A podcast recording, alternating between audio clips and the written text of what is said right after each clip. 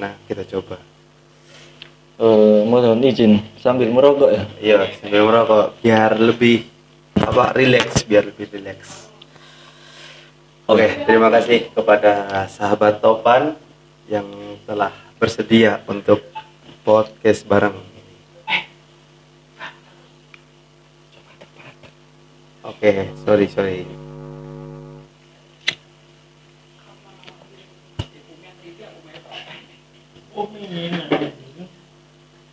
Eh, kita mulai dari awal pembahasan. Menurut cok melok-melok ini. Ayo, antum aja mana-mana antum Kabut ya elek ini. Terkait perkuliahan di Uni. Ini dari sidoarjo. Anda kok bisa sampai ke Unim ini bagaimana ceritanya sahabat? Awal mulanya itu. Eh, jadi gini ya, perkenalkan nama nama saya. Nama saya sebut saja Mawar ya. Guru takar. Hah? Pelan-pelan ya. Bukan ya? Oke. Eh, jadi gini, awal mula saya hmm? Krum. Eh, awal mula saya kuliah itu dipaksa ya mas ya. Oh, oke. Iki nyeluk mas ta sahabat. Sembawaran. Eh, sahabat ya, sahabat Ja'far. Ini saya awal kuliah jadi tidak ada motivasi kuliah sejak awal lulus SMK ya. Eh, ini nama saya disamarkan ya nanti ya. Oke, siap siap. Jangan siap. sampai menyebar. Sebut saja Mr. X. Oke, Mr. X. Eh, jadi pertama itu saya ada ada paksaan dengan diiming-imingi kalau kalian sudah kuliah sudah lulus S1 itu eh, hidup kalian akan enak. Terus mencari pekerjaan mudah dengan diiming-imingi apalah apalah. Tapi pada kenyataannya eh, kuliah ya begini-begini saja tidak beda dengan sekolah ya namanya juga kuliah lanjutan dari sekolah SMA atau SMK karena apa? Karena saya dulu eh, SMK itu pekerjaan saya masuk tidur istirahat pulang. Gitu saja selama tiga tahun. Eh, kalau SMP saya belum pernah tidur di kelas. Tapi pas SMK mulai dari kelas 1 sampai kelas 3 itu masuk guru datang saya tidur guru keluar saya Wah. ya ini, ini benar benar terjadi nih selama tiga tahun melakukan ritual seperti itu saya.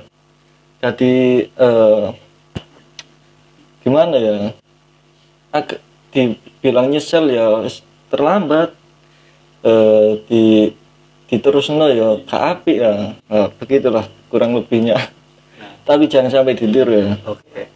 Ini untuk s- apa namanya? Ya sekedar pengetahuan dan sharing-sharing pengalaman. Mungkin ad- ad- ada yang bisa Mr. X sampaikan untuk teman-teman yang akan berkuliah. Ini apa dia itu harus melakukan A, B atau C? Sarannya seperti apa? eh sebelum sebelum eh, kalian masuk perkuliahan ya sebaiknya dimantapkan dulu niat dan tujuannya. Jangan sampai pas kalian kuliah baru menemukan tujuan kalian. Eh, itu sering yang sering dialami oleh mahasiswa sekarang ya.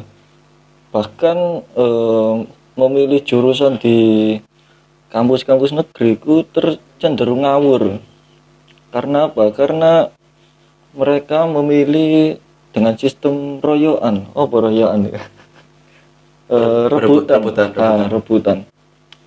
karena banyaknya saingan dan yang dipilih juga se- seenaknya.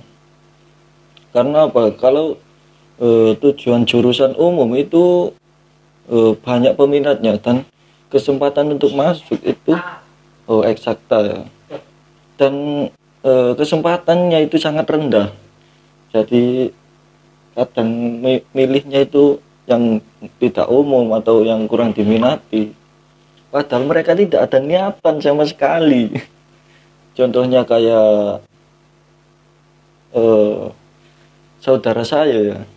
Saudara saya itu memilih jurusan yang bahkan dia sendiri tidak tahu apa itu jurusan yang diambil dia sekolah SMA dengan jurusan IPA tapi memilih perkuliahan di kampus negeri itu teknik sipil. Oh melenceng jauh kan? Berarti eh, mencoba untuk berseberangan di situ? Eh, bukan mencoba berseberangan tapi itu angger angger milih ya jurusan sik, sponsor sponsor tapi kalau misalkan dilihat dari prospek prospek kan kadang-kadang entah prospek dari pandangan masyarakat entah prospek dari apa kerja. Menurut sampean ini pengaruh orang yang kuliah dengan orang yang tidak kuliah? Soalnya kan kita kan kadang-kadang berpikirnya gini alah kuliah kak kuliah itu kan sama saja. Nah terus untuk membedakan lah membedakan. Yang pembedanya itu antara yang yang kuliah dengan yang tidak kuliah itu seperti apa? Eh, perbedaannya tipis ya karena eh, kurang tahu kurang tahu kalau perbedaan. Jadi gini kalau kerja pekerjaan itu kan berbicara tentang profesi ya. Eh, jadi kita di perkuliahan kalau ke pendidikan itu kita dibekali dengan teori-teori pendidikan tentang menghadapi siswa terus cara eh, mendidik yang baik dan benar gimana tapi kalau eh, dalam profesi yang lain itu tidak pengaruh sih ya. Kayak apa ini? Skill. Teknik itu apa? Mengandalkan skill. Waduh waduh. Sama bukan ini ya. Eh, jadi gini kalau di ilmu teknik itu mengandalkan skill. Jadi meskipun tidak kuliah. Apa sih? Eksakta itu ilmu pasti ya.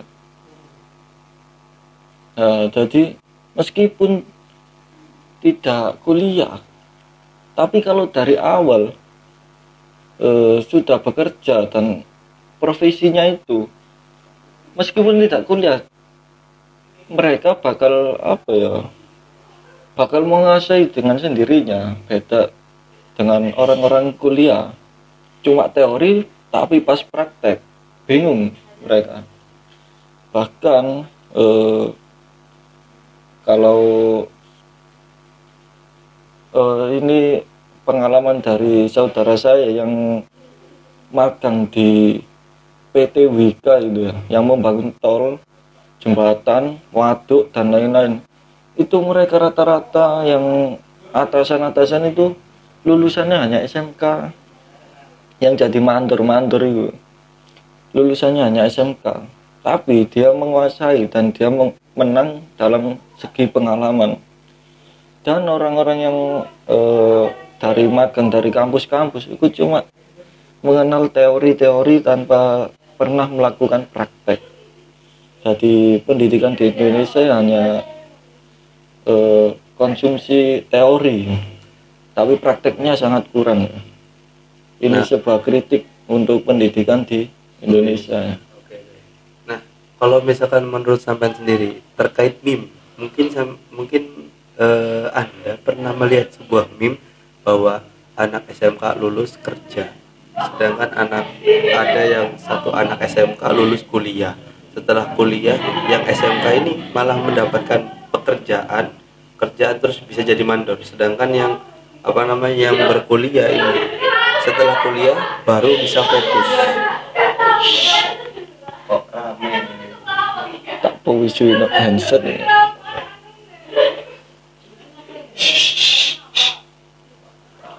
Eh, woi, bengi woi. Nah, menurut sampean sendiri itu bagaimana tanggapannya terkait meme yang beredar tersebut? Cas. Casku ya. Coba. Kita Woi, sok rame-rame Harus link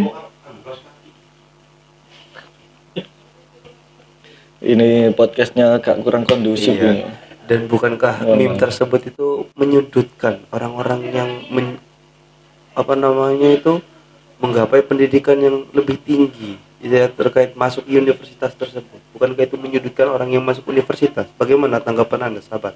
Eh, iki tanggapan serius dah dark joke sih Oke, kita pakai dua sisi Ngedar aja. kan?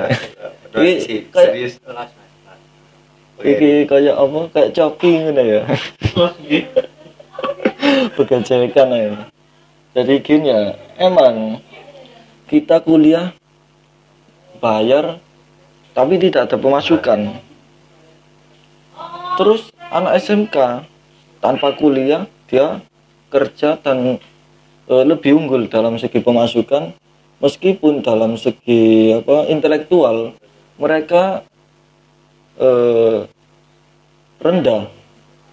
Tapi kalau mahasiswa hanya mengandalkan idealisme atau intelektual mereka tanpa ada pemasukan. Ya, jadi ini yang perlu diwaspadai.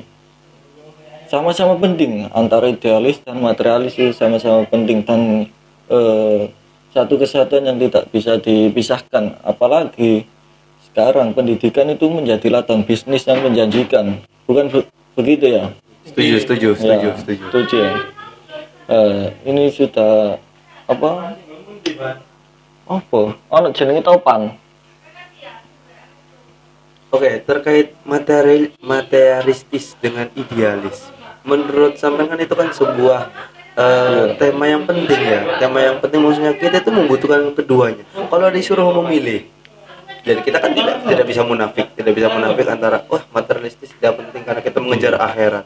oh hah no kuwi bang sakjane Gus Iko sing ndukur sing ndukur topan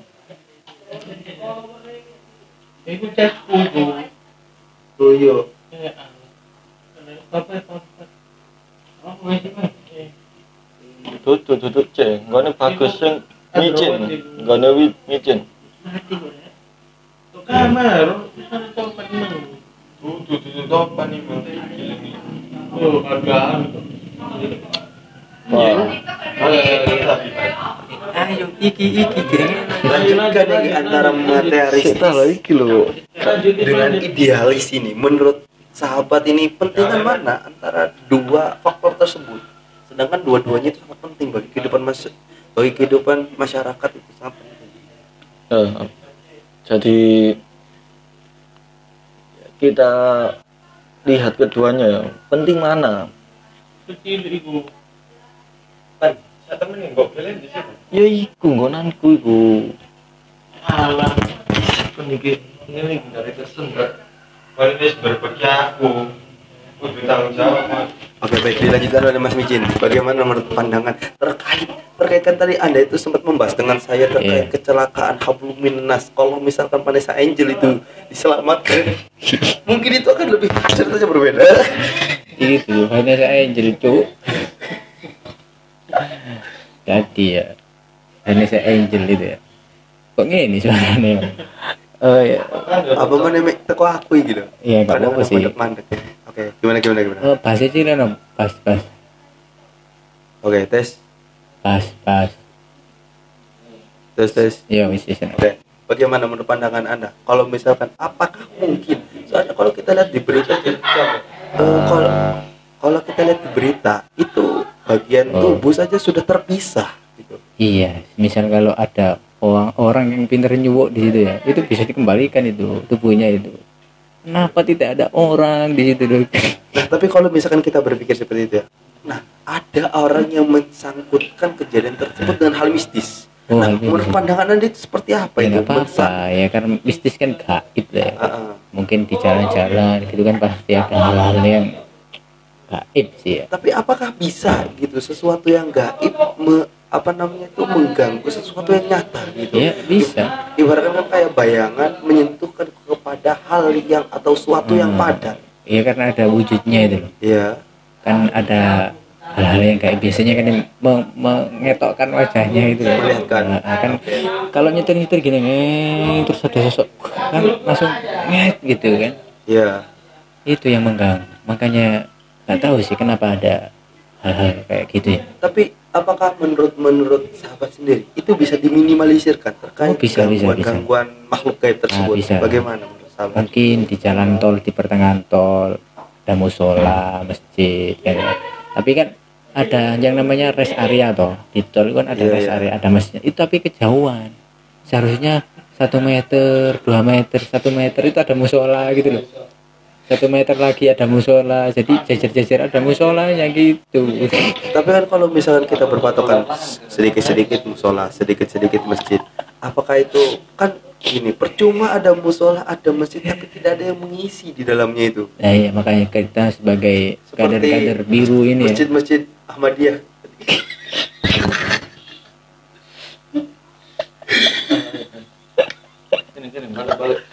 Ini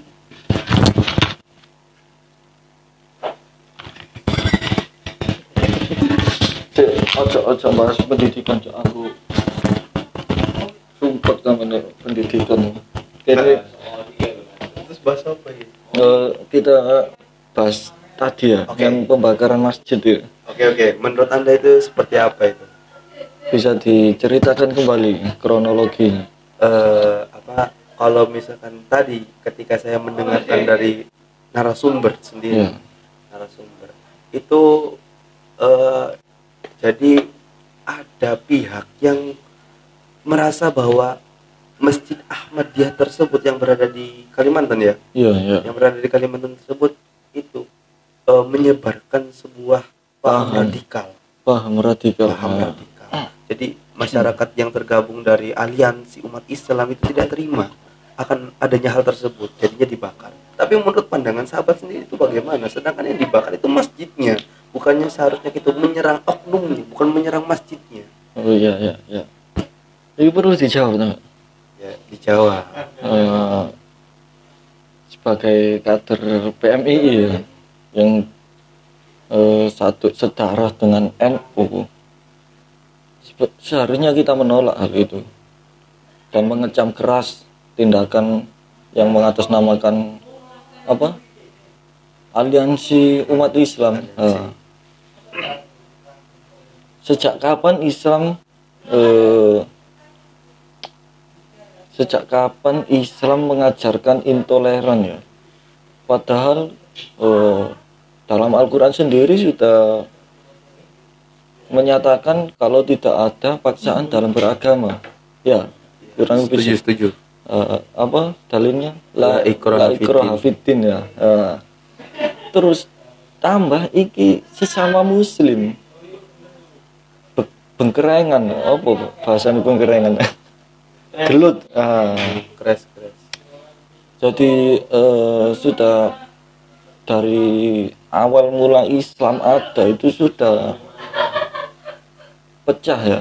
Itu kita tidak bisa memungkiri karena Rasulullah sendiri eh, telah menyatakan kalau akhir zaman itu bakal Islam bakal terbelah menjadi 73 golongan. Ya yang selamat hanya satu.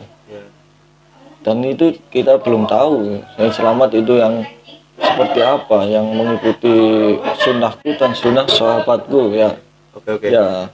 Dan eh, kalau kita melihat kejadian ini yang dimaksud eh, aliran radikal atau aliran apa apalah itu namanya itu yang seperti apa? Karena Islam itu macam-macam apalagi di Indonesia. Banyak kultur dan budaya daerah setempat atau daerah masing-masing itu eh, membawa kulturnya sendiri-sendiri. Dan bisa dipengaruhi oleh eh, si pembawa eh, kalau kita di Jawa itu Wali Songo ya Iya, dengan Wali Songo. kultur budaya Timur Tengah atau Gujarat India dengan kultur budaya Jawa sendiri dipadukan dan diadaptasi sehingga eh, menghasilkan satu kesatuan yang tidak terpisahkan dan tidak melenceng dari agama.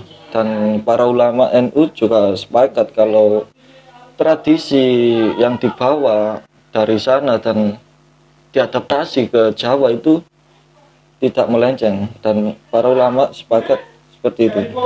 Oke, saya coba di sini terkait intoleran. Saya mencoba kontra dengan sahabat ini. Terkait Islam itu kan tidak ada intoleran. Tapi kalau misalkan kita sedikit membuka beberapa dalil atau beberapa kitab, itu kan eh, barang siapa yang memusuhi Allah dan Rasulnya, Iya. maka itu apa namanya itu eh, musuh bagi kita. Nah, sedangkan eh, paham tersebut bisa dikatakan sudah keluar dari Islam karena Islam tidak mengajarkan yang namanya itu eh, apa namanya eh, apa? Apa? mengajarkan paham Radikal. radikal. Nah itu menurut sampean itu bagaimana? Saya mencoba kontra di sini dengan anda. Apa maksudnya? Maksudnya apa Oh, ini? enggak kan tadi kan anda kan membahas tentang intoleran ya. Iya. Nah sedangkan kan ada sebuah ada banyak dalilnya terkait barang siapa memusuhi Allah dengan Rasulnya otomatis kan eh, paham radikal itu memusuhi Allah dengan Rasulnya karena manusia saja dimusuhi gitu atas nama berlabelkan agama. Nah itu menurut sampean itu bagaimana? Kan banyak dalil-dalilnya terkait membahas tersebut. Saya mencoba kontra dengan anda di sini. Eh, kalau memusuhi Allah dan Rasulnya itu bisa dipahami lebih dalam ya. Ini orang-orang yang memusuhi itu eh, sejak zaman Nabi mulai mendakwahkan secara terang-terangan. Itu yang memusuhi benar-benar orang kafir Quraisy ya. Eh, benar-benar mereka tidak ingin Islam itu ada. Ya. Tidak apalagi yang menyebarkan adalah yang paling memusuhi adalah paman Nabi sendiri yang bernama Abu Lahab ya. Jadi kalau orang-orang yang sesama Islam memusuhi itu bukan bukan memusuhi Allah dan Rasulnya, tapi eh, mereka yang berseberangan dan tidak toleran terhadap faham mereka, contohnya NU dan oh ojo NU, Rek. contohnya apa? Aliansi umat Islam dan Ahmadiyah tersebut. Nah, itu sesama muslim tapi perilaku yang di apa ya, Mencerminkan gitu. dicerminkan itu sangat bukan tidak bisa dikatakan sebagai seorang muslim ya.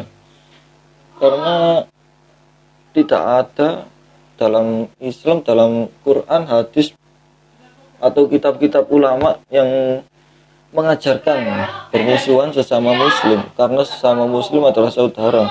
Bahkan eh, untuk agama lain pun kita bersaudara. Ada kita kan di Indonesia sudah ada konsep ukhuwah Islamiyah ukhuwah watoniyah dan apa sih itu ya? Ukhuwah insaniyah Ah, iya. sama manusia.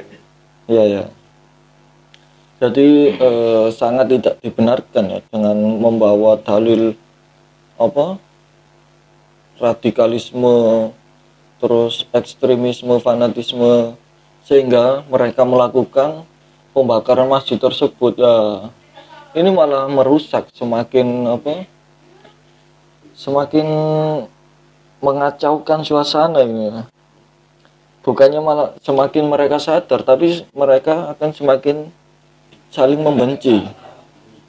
Nah ini semakin memecah belah bangsa ini.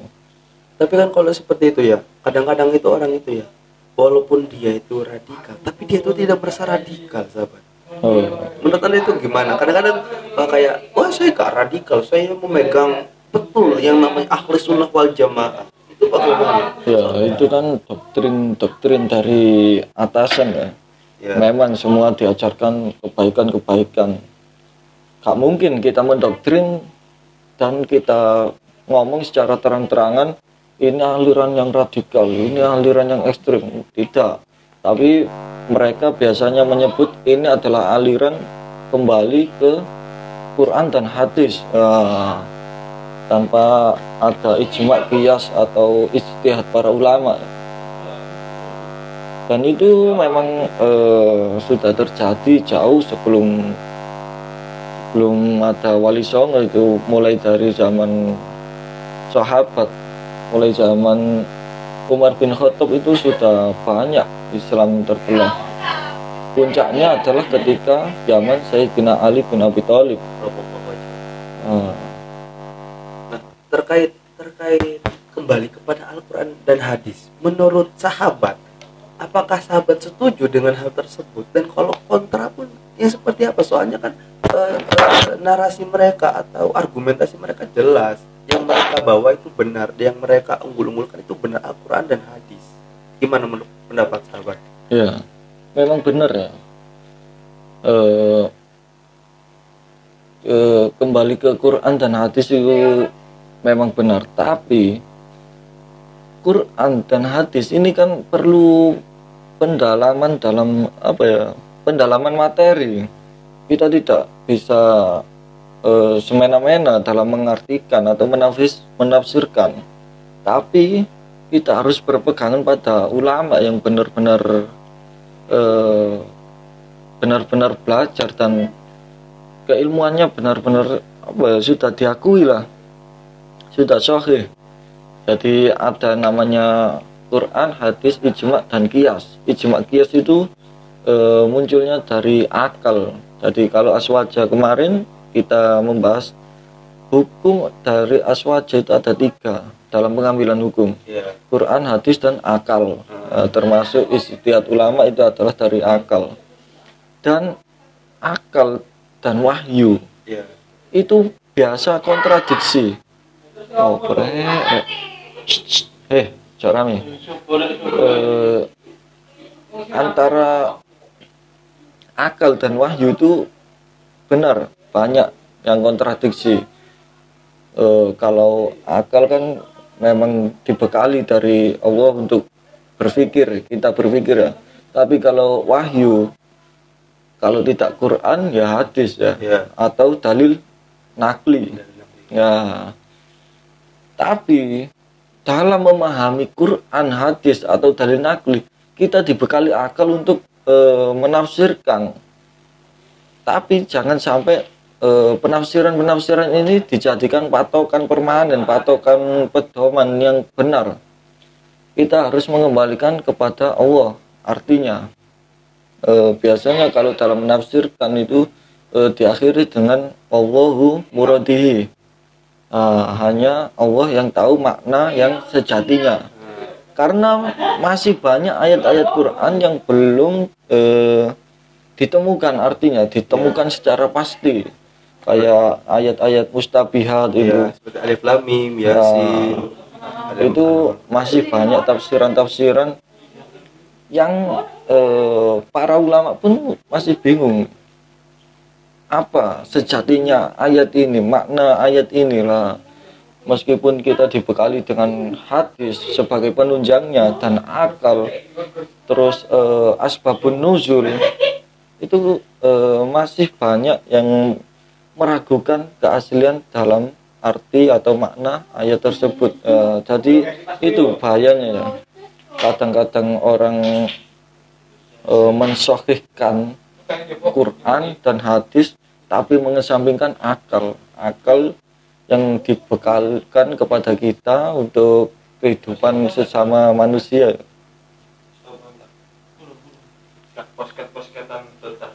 Lah. Jadi jadi gitu ya eh, berbahaya untuk apa langsung mengambil hukum dari Quran dan hadis tanpa ijma dan kias tersebut. eh, tanpa me- tanpa apa sih akal Diakui, diakuin oleh ulama-ulama yang lain atau pembelajar yang lebih dalam. ya dan dalam memilih guru pun kita harus tahu basic dan latar belakangnya.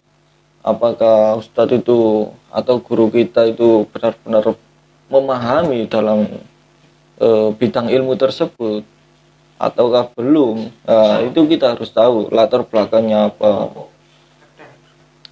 Tapi tapi gini, tapi gini, kalau misalkan kita tuh eh, bertolakan kepada ijma, kadang-kadang argumentasi mereka itu seperti ini. Allah, ngapain kita tuh mem- apa, mengikuti ijma? Orang itu sama-sama pemikiran manusia. Mereka makan Iya. nasi, kita pun makan nasi. ya Nah, terkait bantahan tersebut menurut sah- menurut sahabat itu seperti apa? Takbir. Kayak siapa sih? Kata derajat ilmu ini wis beda kok. Aku yo umumnya aku. apa sih rek apa sih jadi gini ya. Eh, memang kita sama-sama manusia sama-sama dibekali akal tapi dalam membedakan itu dalam segi keilmuannya. Nah, mereka sudah mempunyai ilmu yang mumpuni sedangkan kita hanya mengandalkan akal yang mungkin cocok gak diterapkan atau tidak lah. Ki- ki- kita hanya mengandalkan insting. Jadi kalau manusia hanya mengandalkan insting tanpa berpikir yang apa sistematis, apa bedanya manusia dengan hewan? Kita hanya menerka-nerka, kita hanya apa paling koyok ngene kok alu paling ngene ya. mengira-ngira gitu Mengira-ngira tidak apa-apa, tapi kalau terus-terusan ah, apa bedanya menungso karo kewan. Ah, tadi kita harus dibekali dengan metode dan sistemat sistematis ah, menungso itu dibekali akal gawe mikir gak gawe me- mengira-ngira atau menerka-nerka. Si aku tak rokan ya.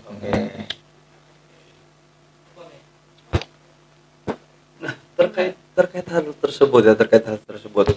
Eh, mungkin dari golongan-golongan mereka yang berseberangan dengan kita itu hanya berpatokan kepada terjemah. Terjemah. Nah itu menurut sahabat itu apakah worth it lah worth it eh, mengambil hukum atau mengambil sebuah dalil yang berpatokan kepada terjemahan saja. Eh itu itu apa ya? Jadi gini menungso itu manusia. Manusia. Aku rada canggung lah nek apa ngomong bahasa Indonesia. Oke wis los-losan aja los-losan aja los-losan aja Jadi fenomena ini eh, ter- sudah ada, mungkin saya lihat ada di Indonesia sampai sekarang masih eksis ya. Mereka ada pe- pengajian yang mengambil apa dari Quran terjemah, hanya berbekal Quran terjemah ya dan sedikit ilmu agama. Tapi kenapa banyak jamaahnya dan sampai sekarang tetap eksis? Padahal mereka sudah dicap oleh MUI sebagai ajaran yang menyimpang. Karena apa? Karena pengajian mereka itu menarik. Bisa memahami kebutuhan-kebutuhan manusia, kebutuhan-kebutuhan jamaahnya. Sedangkan eh, para ulama salafus soleh atau ulama sekarang eh, yang pengajiannya apa yang ilmunya sudah diakui tapi mereka tidak memahami kebutuhan yang dibutuhkan oleh jamaahnya. Sehingga banyak yang kurang peminatnya. Kan sekarang banyak eh, ulama-ulama yang sepi apa sepi job. Sepi jamaahnya dalam sepi eh, majelis taklim taklim mereka gitu. dalam segi kurang diminati gitu. Ya kurang diminati. Padahal ilmunya itu eh, sudah diakui dan memang benar-benar mereka sudah menguasai dalam bidang keilmuan itu. Tetapi ada bermunculan ustadz-ustadz baru ustadz-ustadz sosmed. Eh, bukan ustadz sosmed ya ustadz sosmed yang belajar dari YouTube belajar dari eh, Google. Tapi mereka banyak jamaahnya Eh, itu fenomena yang terjadi tahun-tahun kemarin gitu. Oke, terkait hal tersebut, saya tiba-tiba itu teringat gini, terkait kan eh, mereka itu mengambil hanya dari terjemah. Nah, terus apa bedanya dengan Al-Qur'an yang mungkin eh dengan pondok pesantren yang hanya berbeda bahasanya. Kalau mereka kan pakai bahasa Indonesia, kalau Al-Qur'an kan eh kalau pondok pesantren kan memakai basisnya itu bahasa Jawa. Itu bagaimana? Apakah tidak sama saja tak kalau seperti itu jatuhnya itu? ya apa perbedaan ya eh, kalau di pondok pesantren kan sudah jelas eh, keilmuannya sudah jelas Secara secara sanadnya gitu. secara sanad dan keilmuannya sudah jelas dan diakui benar-benar eh, keilmuannya itu terjaga tapi kalau ustadz-ustadz yang bermunculan baru-baru ini itu sangat diragukan dan tidak jelas sanad keilmuannya. Tapi itu eh, apa ya saya juga heran. Kenapa mereka itu masih banyak gitu loh? Eksistensinya lebih besar gitu. Ya jamaahnya juga terus pengikutnya. Kok bisa? Ya itu menjadi tantangan tersendiri ya bagi kader-kader NU kader-kader PMII yang apa dalam bayatnya mengawal jalannya ahlu sunnah wal jamaah di Indonesia. Ha, tapi kan kalau misalkan mengawal itu tapi kok bisa kecolongan ini? Nah pertanyaan saya kan gitu. Dari kutipan anda kan mengawal. Sedangkan ini sudah kita ibaratkan bu- bukan sudah kecolongan lagi mungkin sudah kebobolan di sini. Bukan seperti itu. Ya ini menjadi tanggung jawab kita bersama ya sebagai kader-kader NU yang mengaku sebagai benteng aswaja. Enggak, kak bos. Eh, sebagai kader-kader aswaja kita hidup berdampingan mulai dari sesama agama, sesama apa manusia. Kita juga ada beda agama, beda organisasi, beda ormas atau beda bendera lah ya kita tidak apa-apa asli semua yang diajarkan dalam pengajian-pengajian selagi itu baik itu nggak apa-apa. Tapi dalam hal beragama dan apa menafsirkan Al-Quran itu tadi ya itu ada batasan-batasannya. Ada batasan tentang sanad dan keilmuannya itu harus ada harus ya. Jadi kalau memang yang diajarkan adalah kebaikan-kebaikan itu nggak apa-apa. Asalkan jangan menafsirkan Al-Quran hadis dan apalah itu dengan ngawur dan seenak dewe Eh, meskipun dengan tujuan kebaikan tapi kalau menafsirkannya eh, keliru itu sangat eh, tidak bisa ditoleran ya. Kecuali mereka bertaubat. Kalau kalau gini gini. Oke Eh, saya mencoba menalar gini. Eh, terkait kan oke lah mungkin sekarang itu sudah bukannya sudah tidak di buku lagi tapi udah di media sosial. Ya. Banyak ulama-ulama atau mungkin ya ustadz-ustadz baru itu mengambil hukum itu dari Google. Itu bagaimana? Sedangkan NU pun mempunyai NU online. Kalau misalkan mengambil hukumnya dari situ itu bagaimana? Sedangkan sama-sama mencari ya ibaratkan kita eh, mufasirnya gak jelas yang memberi hujah ini siapa? Kan kita nggak tahu. Mereka hanya mengkutip mengkutip mengkutip. Dan kita itu hanya copas dari mereka. Itu bagaimana pendapat sahabat sing eh, yang dimaksud ini siapa? Eh, pertama itu dari golongan sebelah yang memakai Google. Dan mungkin tidak bisa dipungkiri. Kita pun kadang-kadang mengambil hukum dan mengambil eh, apa pengertian atau tafsir itu dari Google. Itu bagaimana sendiri? Sedangkan kan kita nggak tahu mufasirnya secara jelas bagaimana. Sanad kita dengan beliau gak, gak tahu dan sanad beliau sampai ke atasnya kita pun nggak tahu apakah dia itu benar dalam mentafsirkan atau eh, apa namanya itu sekedar hanya tadi insting yang dipakai Insting, ya. gitu. Kan bisa saja kan karena kita tidak tahu dari mana ini hukum berasal. Ya ini apa sedikit kritik ya. Terutama ini pertanyaan sekaligus kritik kepada kita juga sebagai kader-kader NU yang seharusnya apa mengawal dan meng- menyebarkan agama. Kalau dulu belum ada sosmed kita menyebarkan secara ceramah. Iya face to Ya, face gitu. Eh, tapi kalau lama kelamaan ada sos- sosial media dan secara instan langsung kepada inti kita sudah menemukan kenapa kita harus eh, sowan dulu ke kiai yang apa ya sedikit merepotkan lah iya benar ya Iya, kita iya. harus ke rumahnya membawakan bingkisan iya Nah, itu kan eh, sesuatu yang tidak bisa kita pungkiri dan kita akui itu memang sedikit merepotkan. Sedangkan kita Google ngetik langsung muncul eh, atau di YouTube tiga menit, dua menit langsung kepada inti pembahasan kan eh, enak. Dan sedangkan kalau kita mengkaji pun mungkin bu- membutuhkan satu dua tahun agar ketemu hukum tersebut. Soalnya kan Eh. kalau meng- mengkaji seperti di pondok-pondok pesantren itu dari ya dari bab satu sampai bab selanjutnya nggak tiba-tiba langsung ke inti permasalahan tersebut. Ya jadi gini ya eh, sebagai kader-kader NU kita harus melek melek teknologi ya memang kita akui orang-orang NU itu hebat apalagi kiai-kiainya. Sanatnya jelas dari mulai dari pondok sini sampai Rasulullah jelas sanatnya. Tapi yang dibutuhkan masyarakat sekarang adalah eh, secara instan karena Indonesia merupakan negara konsumtif dan minat bacanya nomor 4 dari bawah di dunia ya. Kita harus tahu itu lebih dulu.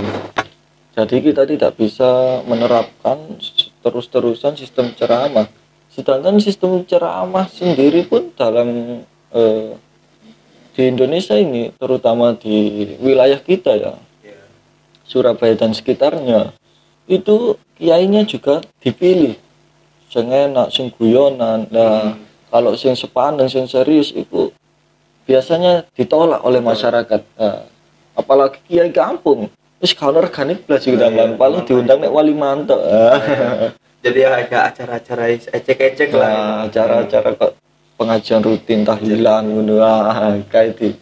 Eh, sedangkan kita sebagai kader NU seharusnya kita itu difasilitasi, diedukasi sehingga kita ya sedikit gangguan ngorok ya ini ya.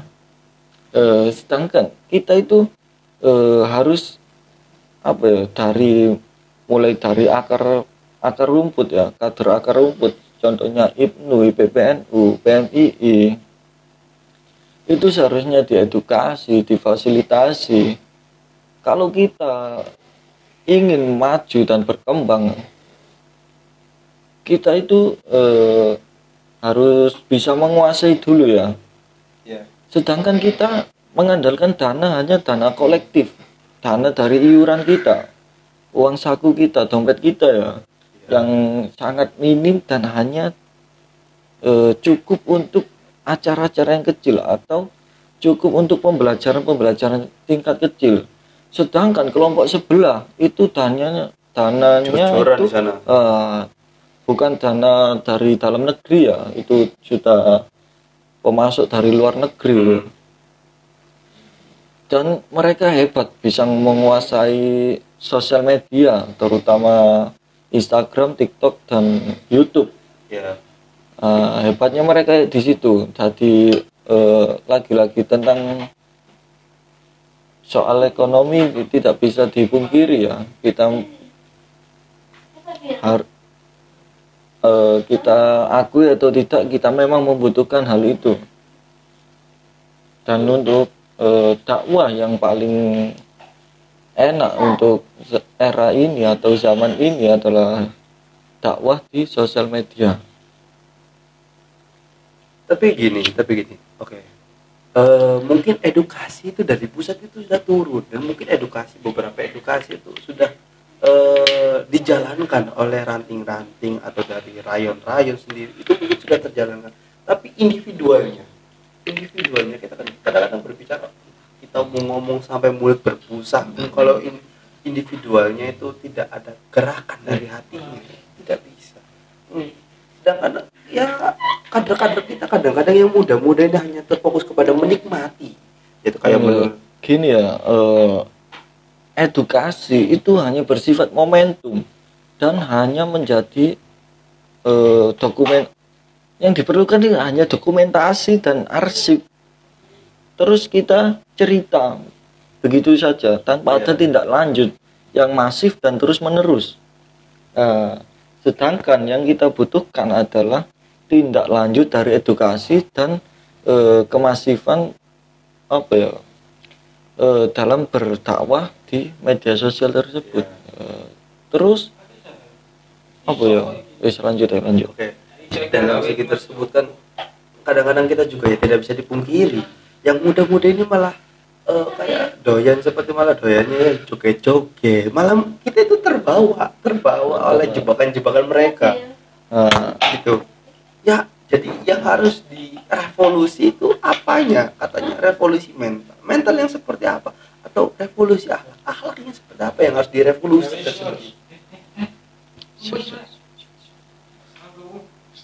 Turu ya turu ngono. Iki kok nek so nek krungu sola-sola kait ngelendang.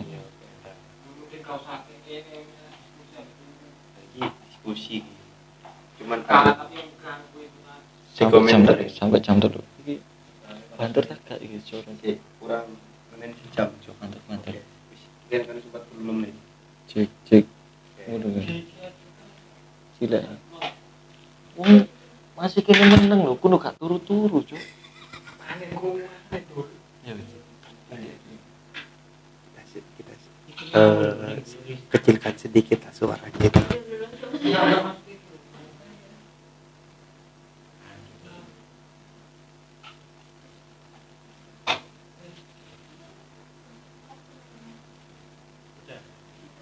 tutupan gak rame ojo ditutup nopo oke. Oke.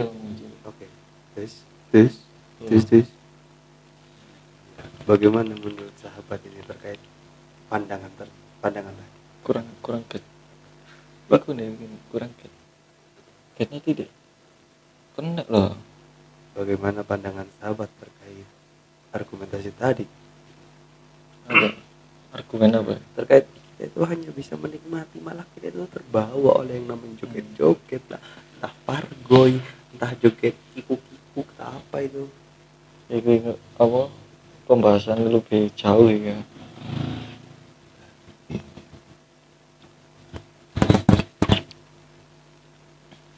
Eh, kita ke revolusi aja. Jadi revolusi apa yang kita butuhkan? Apakah revolusi mental revolusi revolusi akhlak jadi tapi kan kita masih bingung revolusi akhlak akhlak yang seperti apa? Mental mental yang seperti apa yang harus kita perbaiki tersebut? Atau harus yang kita revolusi tersebut? Mungkin kalau revolusi mental lebih ke mental konsumtifnya orang-orang Indonesia. Jadi pola pikirnya yang harus dirubah.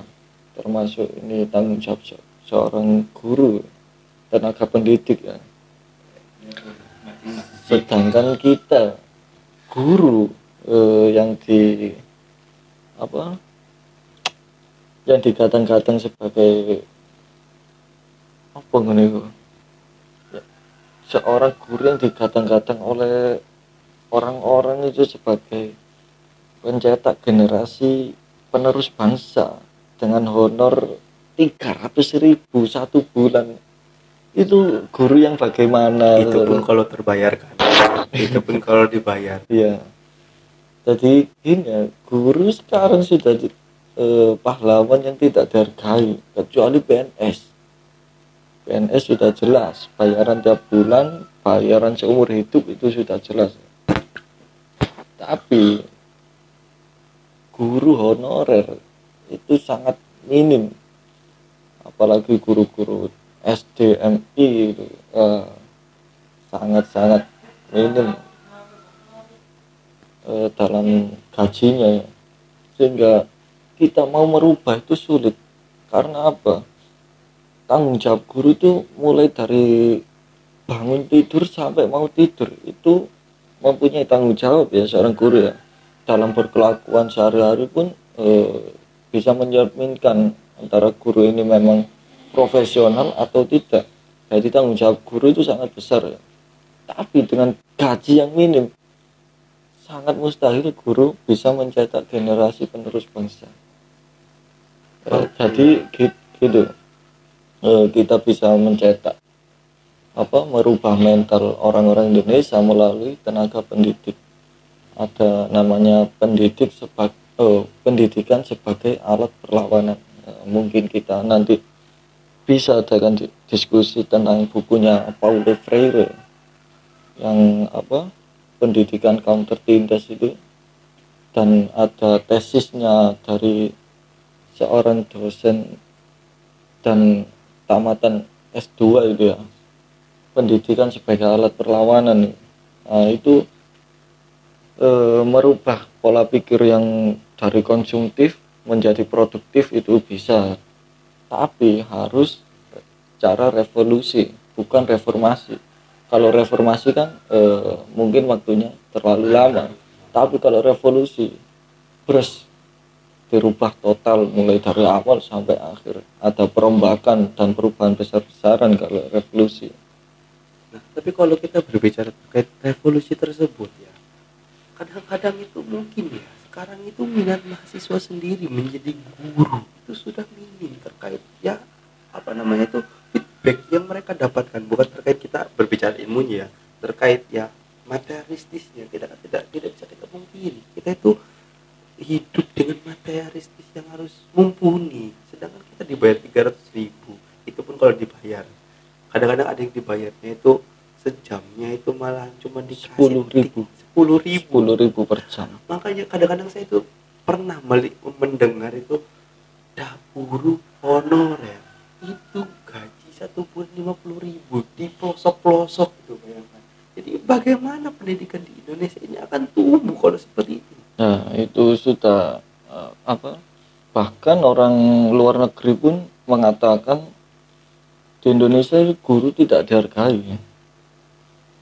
Hmm, Mungkin itu karena guru yang terlalu banyak atau anggaran yang terlalu minim, kita tidak tahu ya. Mungkin kita bisa eh, di podcast selanjutnya ya tentang pendidikan dan apa ya revolusi akhlak ke Habib Rizik Iya, aja terkait apa nanti kita bahas di selanjutnya terkait pendidikan lah dunia dunia Ya, pendidikan dunia kuas, pendidikan. Kita kuras, kita- kupas kita kita kritik kupas. Kita kritik pendidikan di Indonesia yang eh, serba kacau ini. Tapi sekarang eh, guru honorer di sedikit lebih dihormati lah dengan adanya Honda atau honor daerah atau P3K tapi lagi-lagi itu ada ke- kelemahan di situ. Hanya orang-orang tertentu yang bisa mengakses jalan tersebut. Jadi Indonesia lagi-lagi dihadapkan dengan nepotisme. Mental-mental koruptor sudah mendarah daging di Indonesia. Mental-mental persaudaraan bukan persaudaraan sih nepotis. Eh, apa? Combe-combe kacung-kacung yang berstok bersekongkol gitu. Ya. jadi memang sedikit dihormati sekarang. Ada namanya honorer daerah yang oh, prosesnya itu sedikit rumit ya. Kalau tidak ada pelumasnya. Pelumasnya tidak akan jalan gitu. Nah, tapi terkait nepotisme ini, jadi yang harusnya dirombak dalam negara kesatuan Republik Indonesia yang kita cintai ini, itu apa? Sedangkan kadang-kadang ya tidak bisa kita pungkiri lagi, kita udah berganti-ganti presiden, berganti-ganti berganti gubernur, bupati, tapi Ya, tetap Mas. hasilnya sama. meskipun ganti presiden tapi kalau sudah apa, budaya dan mendarah daging di Indonesia itu eh, lagi-lagi itu peran seorang guru ada di situ ya ada yang namanya kecerdasan moral intelektual spiritual emosional Nah, mungkin kalau pendidikan pendidikan di Indonesia ini baik 10-20 tahun ke depan Indonesia bakal sedikit mengalami perubahan ya. tapi eh, itu tadi harus berbenah sedikit demi sedikit kalau kita berbicara revolusi dan reformasi itu memang dua pilihan yang sangat rumit ya. kalau reformasi kan membenahi secara sedikit demi sedikit jadi eh, mungkin cukup itu ya sudah jam nah, jam telu Oke, terima kasih. untuk apa atik plus plus statement Oke. Oke, nanti kita buat sebuah apa namanya kayak tadi membahas kapan-kapan kita membahas tentang dunia pendidikan kacau balau yang ada di dalamnya Nah. atau paradigmanya atau pro kontranya di dalam eh, dunia pendidikan tersebut. Oke, terima kasih Mr. X yang telah Oke. menemani saya.